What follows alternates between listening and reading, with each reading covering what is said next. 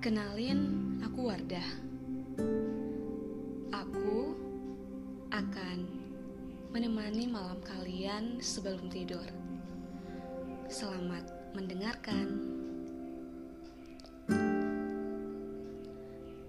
Patah hati ialah mesin paradoks psikologis yang terus bekerja. Kita ingin sekali mengakhiri rasa sakit dan emosi-emosi negatif. Tapi tanpa kita sadari, kita justru melakukan hal-hal yang memperkuat rasa sakit itu.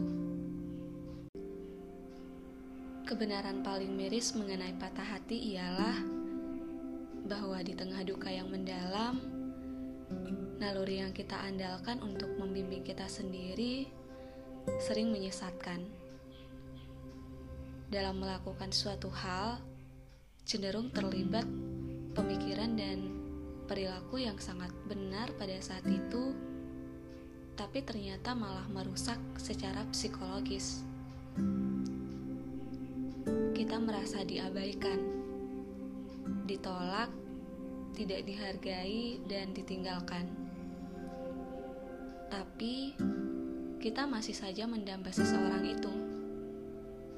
Kita teramat ingin mengakhiri duka, menyudahi lara, tapi yang kita lakukan justru mempertahankan sesuatu yang membuat kita sakit dan mengingat hal-hal yang membuat kita semakin tenggelam dalam lautan luka.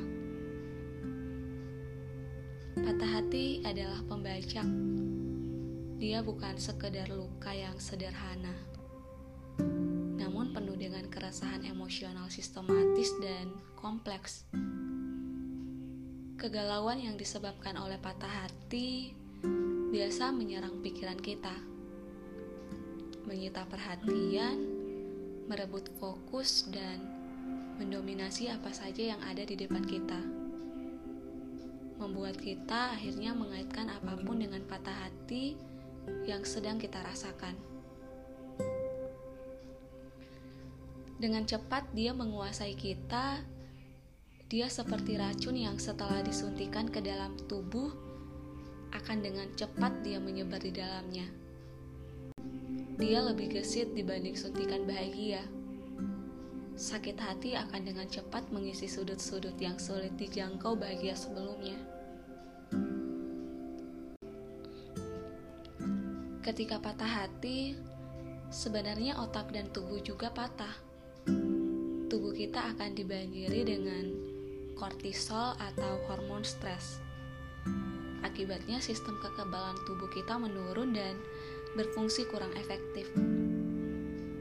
Hal inilah yang menyebabkan kita merasa tidak enak badan saat mengalami stres berat.